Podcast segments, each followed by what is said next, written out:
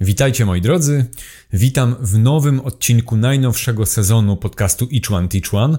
I dzisiaj porozmawiamy o social mediach, o których już wielokrotnie i tak mówiliśmy w tym podcaście, natomiast dzisiaj przedstawię pewną mm, taką symbolikę, pewną taką alegorię przenośnie do tego, abyśmy jeszcze bardziej zrozumieli, jak potężnym narzędziem są media społecznościowe, z których zresztą zarówno ja, jak i wy, moi drodzy, korzystamy na co dzień.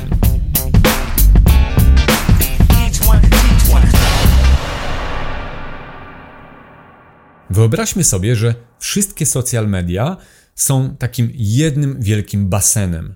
Basenem, do którego okoła są jakieś leżaki, jakaś trawka, może jakaś restauracja, ale jednak najfajniej, tak w cudzysłowie, najfajniej jest oczywiście w środku w wodzie, no bo jest gorąco, to dlaczego by się nie wykąpać? I w tym symbolicznym basenie do niego wrzucimy tutaj wszystkie media społecznościowe: Facebook, Instagram, Twitter, e, TikTok, bardzo popularny zresztą w Polsce, i wszystkie inne, na których po prostu siedzimy i czasami sobie ich używamy.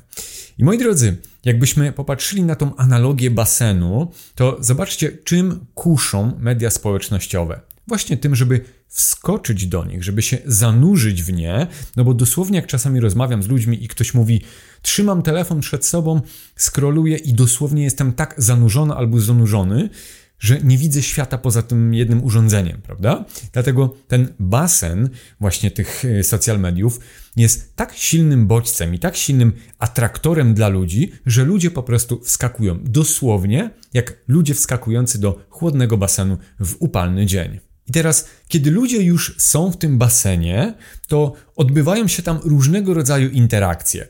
Na przykład ktoś nurkuje, ktoś kogoś e, popchnie, ktoś patrzy na drugą osobę, ktoś kogoś ocenia, ktoś kogoś osądza.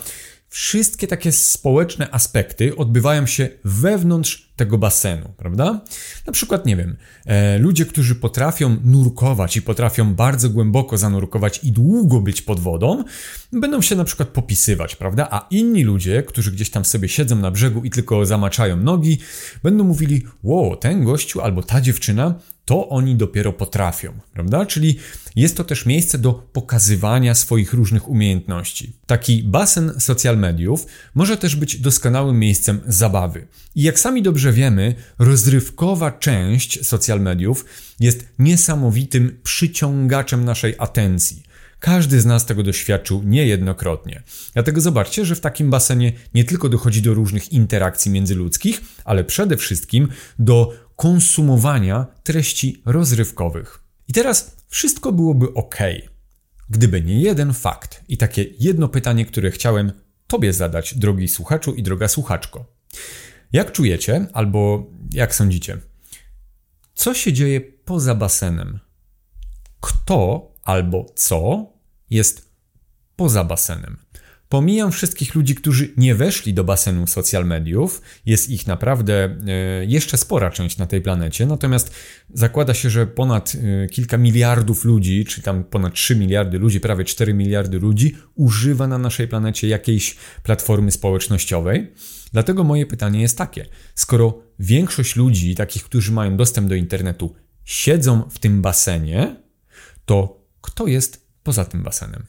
I traktując ten basen jako przenośnie, jako jakąś symbolikę, można by przypisać takiego, nie wiem, ratownika albo takiego dozorcę, kogoś, kto dogląda wszystkiego, co się dzieje w tym basenie. I oczywiście e, w takim prawdziwym świecie ratownik spełnia funkcję ratowania życia ludzi, prawda? Albo obserwowania, czy nie ma jakichś niebezpiecznych sytuacji. W naszym przypadku i w naszym przykładzie dzisiaj traktujemy tego ratownika jako obserwatora i jako kogoś, kto analizuje wszystkie zachowania w basenie social mediów. Taki obserwator poza basenem skrupulatnie zapisuje sobie wszystkie możliwe interakcje, wszystkie możliwe punkty styczne różnych interakcji między ludźmi, wszelkie dane, wszelkie cyfry, wszelkie zachowania. On to wszystko sobie skrupulatnie zapisuje i oczywiście przechowuje te dane. Ludzie natomiast w basenie kompletnie nie zwracają na to uwagi. Mając w pewien sposób taką iluzję, że skoro stoi obserwator, tak zwany ratownik, to oczywiście ta osoba dogląda ich bezpieczeństwa. I tak też, moi drodzy, od samego początku traktowaliśmy media społecznościowe. Dostaliśmy do nich dostęp i uważaliśmy, że twórcy tych platform traktują nas jak, jako po prostu ludzi, jako ludzi używających tych platform. Jak się okaże w tym odcinku, jest zupełnie inaczej. I teraz od razu wrzucam pewną konkluzję, która jest bardzo ważna, zarówno dla Ciebie, drogi słuchaczu i droga słuchaczko, jak i też dla mnie, aby sobie to często odświeżać i przypominać. W tym naszym jakby symbolicznym basenie mediów społecznościowych, kiedy tam jesteśmy i podejmujemy jakieś interakcje, dla tego nadzorcy czy też obserwatora, najważniejszą i nadrzędną rzeczą, czy też dla twórcy takich mediów społecznościowych, są tylko i wyłącznie dane na temat tego, co tam się dzieje w tym basenie, jakie tam zachodzą reakcje między ludźmi. To jest, moi drodzy, najważniejsze i to jest kluczowe dla właścicieli mediów społecznościowych, bądź też dla głównych inwestorów w te firmy. I zobaczcie, jak pięknie została stworzona iluzja. Dostajemy niby za darmo jakieś e, platformy, na których możemy poznawać nowych ludzi, e, na których możemy oglądać albo czytać ciekawe rzeczy, co też, znowu, nie zrozumcie mnie źle, Gdyby nie na przykład e, YouTube, na którym teraz jesteśmy, nie, mie, nie miałoby jakby racji bytu taki podcast, prawda? Ale też pamiętajcie, że nie chodzi o to, że teraz chciałbym tutaj demonizować w pełni media społecznościowe. I przede wszystkim, moi drodzy, nie chodzi o to, żeby z nich wyjść i pozamykać wszystkie profile. Jest to jedno z wyjść, ale niekoniecznie musi to być jedyne wyjście, takie radykalne. Jest e, cała masa innych e, patentów, o których też powiem później w tym odcinku. Natomiast ten główny punkt, moi drodzy, pamiętajmy. Nasze interakcje w mediach społecznościowych, w tym całym basenie, w tym kotle, to są przede wszystkim punkty danych, punkty styczności pewnych danych, które wyekstrahowane z tych naszych interakcji dają potężną przewagę twórcom tych mediów społecznościowych. A jaką przewagę? Za chwilę o tym powiem. I teraz, jeśli by było tak, jak na samym początku mówili twórcy tych platform i mówią do tej pory zresztą, proszę bardzo, dostajesz y, darmową platformę, możesz sobie używać, wrzucać zdjęcia, publikować swoje teksty i możesz śmiało korzystać z tego za darmo, dodam oczywiście, to sprawiedliwie by było, gdybyśmy my, jako ludzie pływający w basenie social mediów, mogli sobie wyjść na brzeg takiego basenu, podejść do tego ratownika, który tam siedzi sobie na stołeczku i notuje te wszystkie rzeczy, zapukać go w ramię i powiedzieć: Przepraszam, a co pan tam sobie y, notuje? Y, notuje dane. A to w takim razie chciałbym zobaczyć, co to są za dane. Czy mógłbym sobie również zrobić kopię tych danych, na przykład zrobić sobie zdjęcie tych danych i wykorzystać je gdzieś później? A, a, a, niestety, moi drodzy. I tutaj pojawia się podstawowe założenie i podstawowy koncept zbierania danych o ludziach z mediów społecznościowych.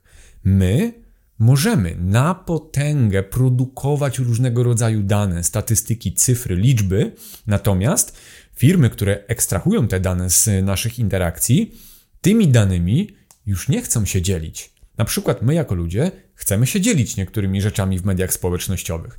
Te rzeczy generują informacje, które zostają zebrane i w bazach danych my, jako ludzie, nie mamy dostępu do tych informacji. Dlaczego? O tym już za chwilę. I oczywiście możemy zapytać twórców mediów społecznościowych albo tych tak zwanych gatekeeperów, czyli tych właśnie ratowników, którzy pilnują wszystkiego i spisują te dane, że chcemy do tych danych dostęp, prawda? I tutaj niestety pojawią się trzy punkty. Po pierwsze, dane są prywatne. Tak odpowiada bardzo często firma. Są to prywatne dane, które zebrała firma tworząca daną aplikację. Czyli zobaczcie, że te dane już w pewnym sensie nie są nasze. Ta nasza kreacja staje się danymi, które zostają wyciągnięte z tej kreacji i te dane są już prywatną własnością korporacji, prawda? Także to jest punkt pierwszy.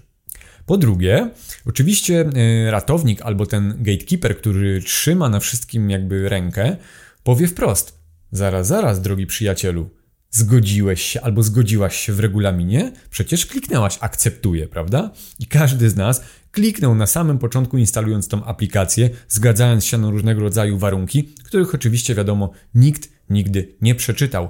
A jak kiedyś robiłem research na ten temat, to nawet sam prawnik powiedział, że jest to nie do końca etyczne, jakby według tych y, firm technologicznych, które tak tworzą te regulaminy, żeby kompletnie były niezrozumiałe pal licho dla zwykłego, przeciętnego użytkownika, takiego jak my, ale bardziej nawet jest to niezrozumiałe dla prawników do dnia dzisiejszego. I prawnicy kiedyś e, próbowali wystosować takie pismo do firm technologicznych, aby uprościły swoje regulaminy, tak aby ludzie rejestrujący się do aplikacji mogli wiedzieć, co tak naprawdę ich czeka w tej aplikacji, kto pobiera dane, kto jest właścicielem tych danych itd. Niestety, regulaminy są nadal zawiłe, tak jak były. Także to jest punkt drugi. Są to poufne dane, które są e, własnością firmy.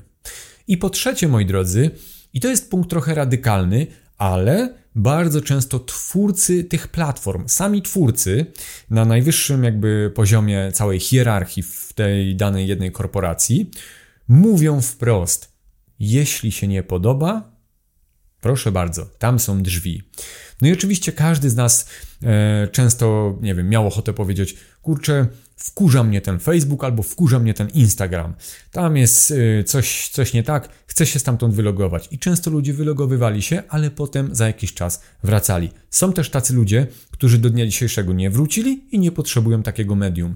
Jest y, wielu wspaniałych ludzi, kreatywnych, których nie ma w mediach społecznościowych. Natomiast, no, zobaczcie, że sam fakt, gdzie y, jest ci oferowana platforma za darmo, gdzie możesz użytkować tę platformę na swoim urządzeniu, i nagle jest ci mówione, że kiedy próbujesz dopytać, co się dzieje z Twoimi danymi, kto jest ich właścicielem, a może Ty też byś chciał yy, skorzystać z tych danych, o właśnie, to jest dobre słowo, skorzystać z tych danych, to już tutaj, przykro mi, tam są drzwi, Proszę, zapraszamy na inne platformy, gdzie oczywiście wszyscy już dzisiaj wiemy, że te kilka, pięć, może raptem sześć platform są monopolistami całego globalnego rynku firm technologicznych, mediów społecznościowych. I teraz, słuchając tego odcinka, można by powiedzieć: A co mi tam? Co ja mam do ukrycia? Przecież moje dane nie są nic warte i tak naprawdę, a niech sobie korzystają z tych danych, proszę bardzo. Ja nie mam nic do ukrycia. Sam tak myślałem yy, przez wiele lat, no bo w sumie nie robimy nic złego w tym internecie, prawda?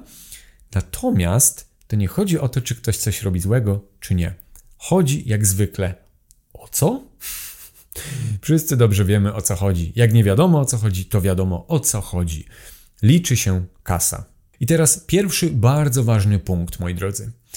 Nasze dane dosłownie na rynku cyfrowych danych i to jest potężny rynek, do którego zazwyczaj e, my jako ludzie nie mamy dostępu, bo to jest e, rynek, który eksplorują różnego rodzaju, czy to firmy technologiczne, e, czy też media głównego nurtu. Na rynku danych nasze dane każdego jednego z nas, moi drodzy, są warte bardzo dużo pieniędzy.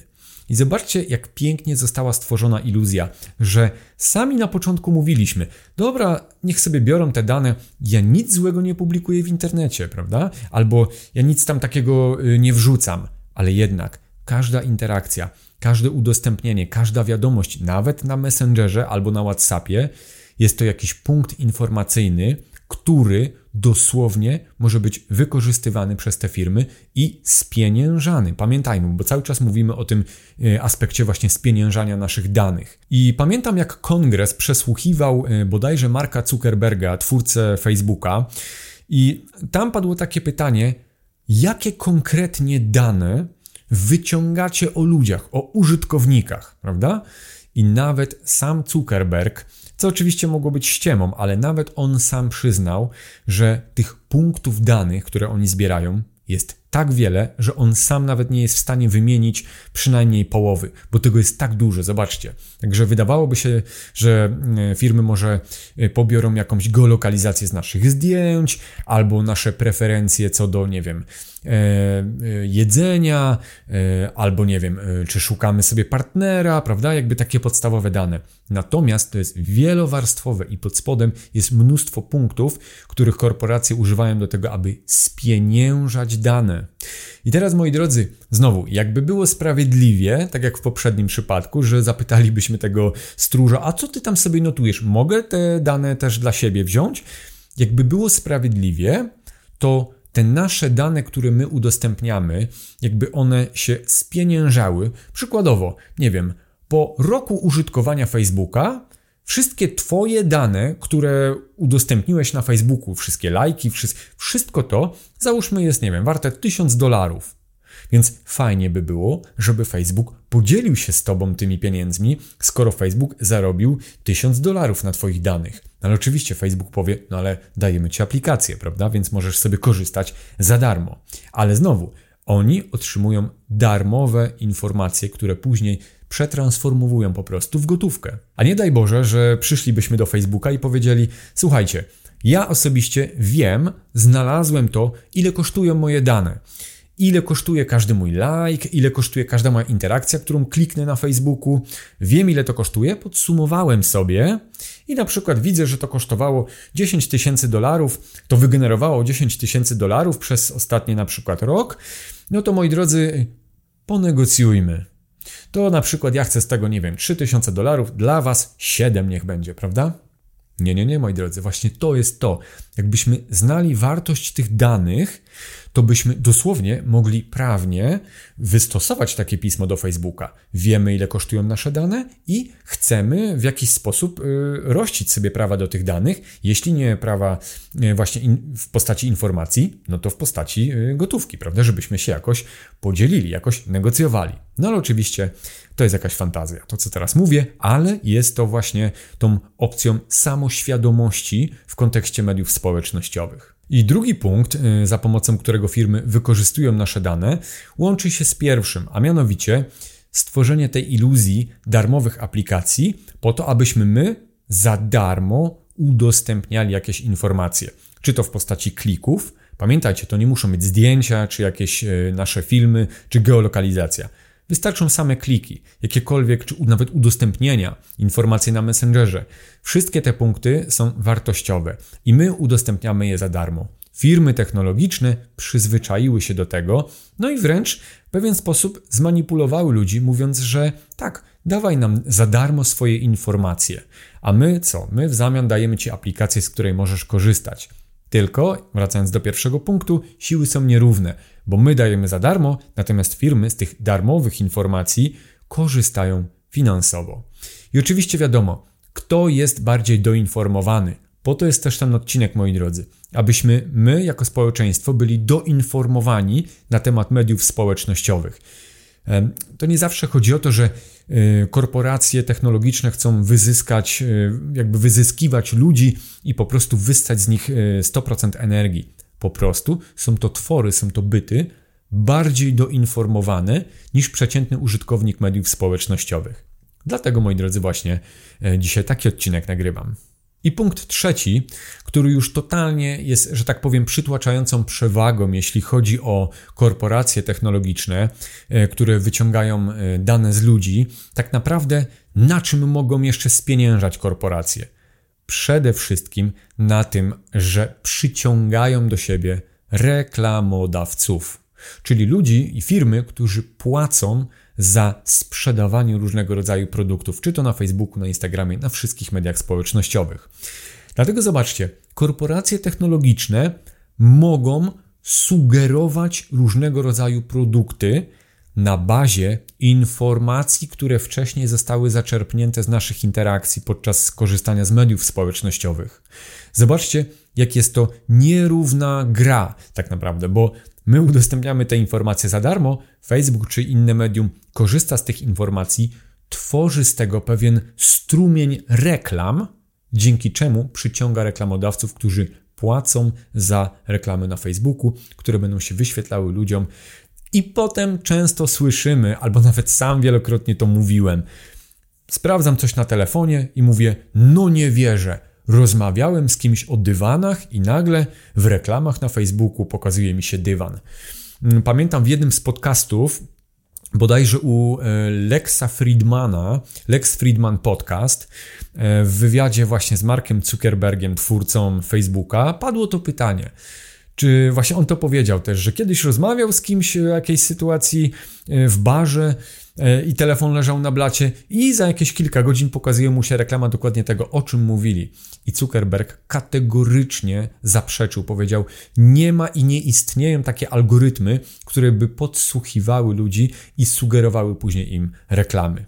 Także zobaczcie, można kłamać dosłownie w żywe oczy. Dlatego, moi drodzy, korzystajmy z mediów społecznościowych samo świadomie. Jeszcze raz to powtarzam, pomimo poprzedniego odcinka, do którego za chwilę Was też odniosę.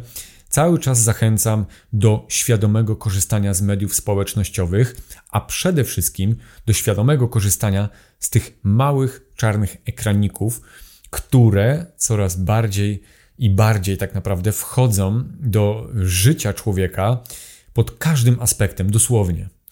E, jak to zbalansować, to już zostawiam Wam, moi drodzy. Ten temat też będziemy podejmować niejednokrotnie. Natomiast ja dzisiaj chciałem się skupić na tym basenie social mediów, w którym tak naprawdę wszyscy trochę pływamy, abyśmy byli świadomi tego, że nasze interakcje to jest informacja.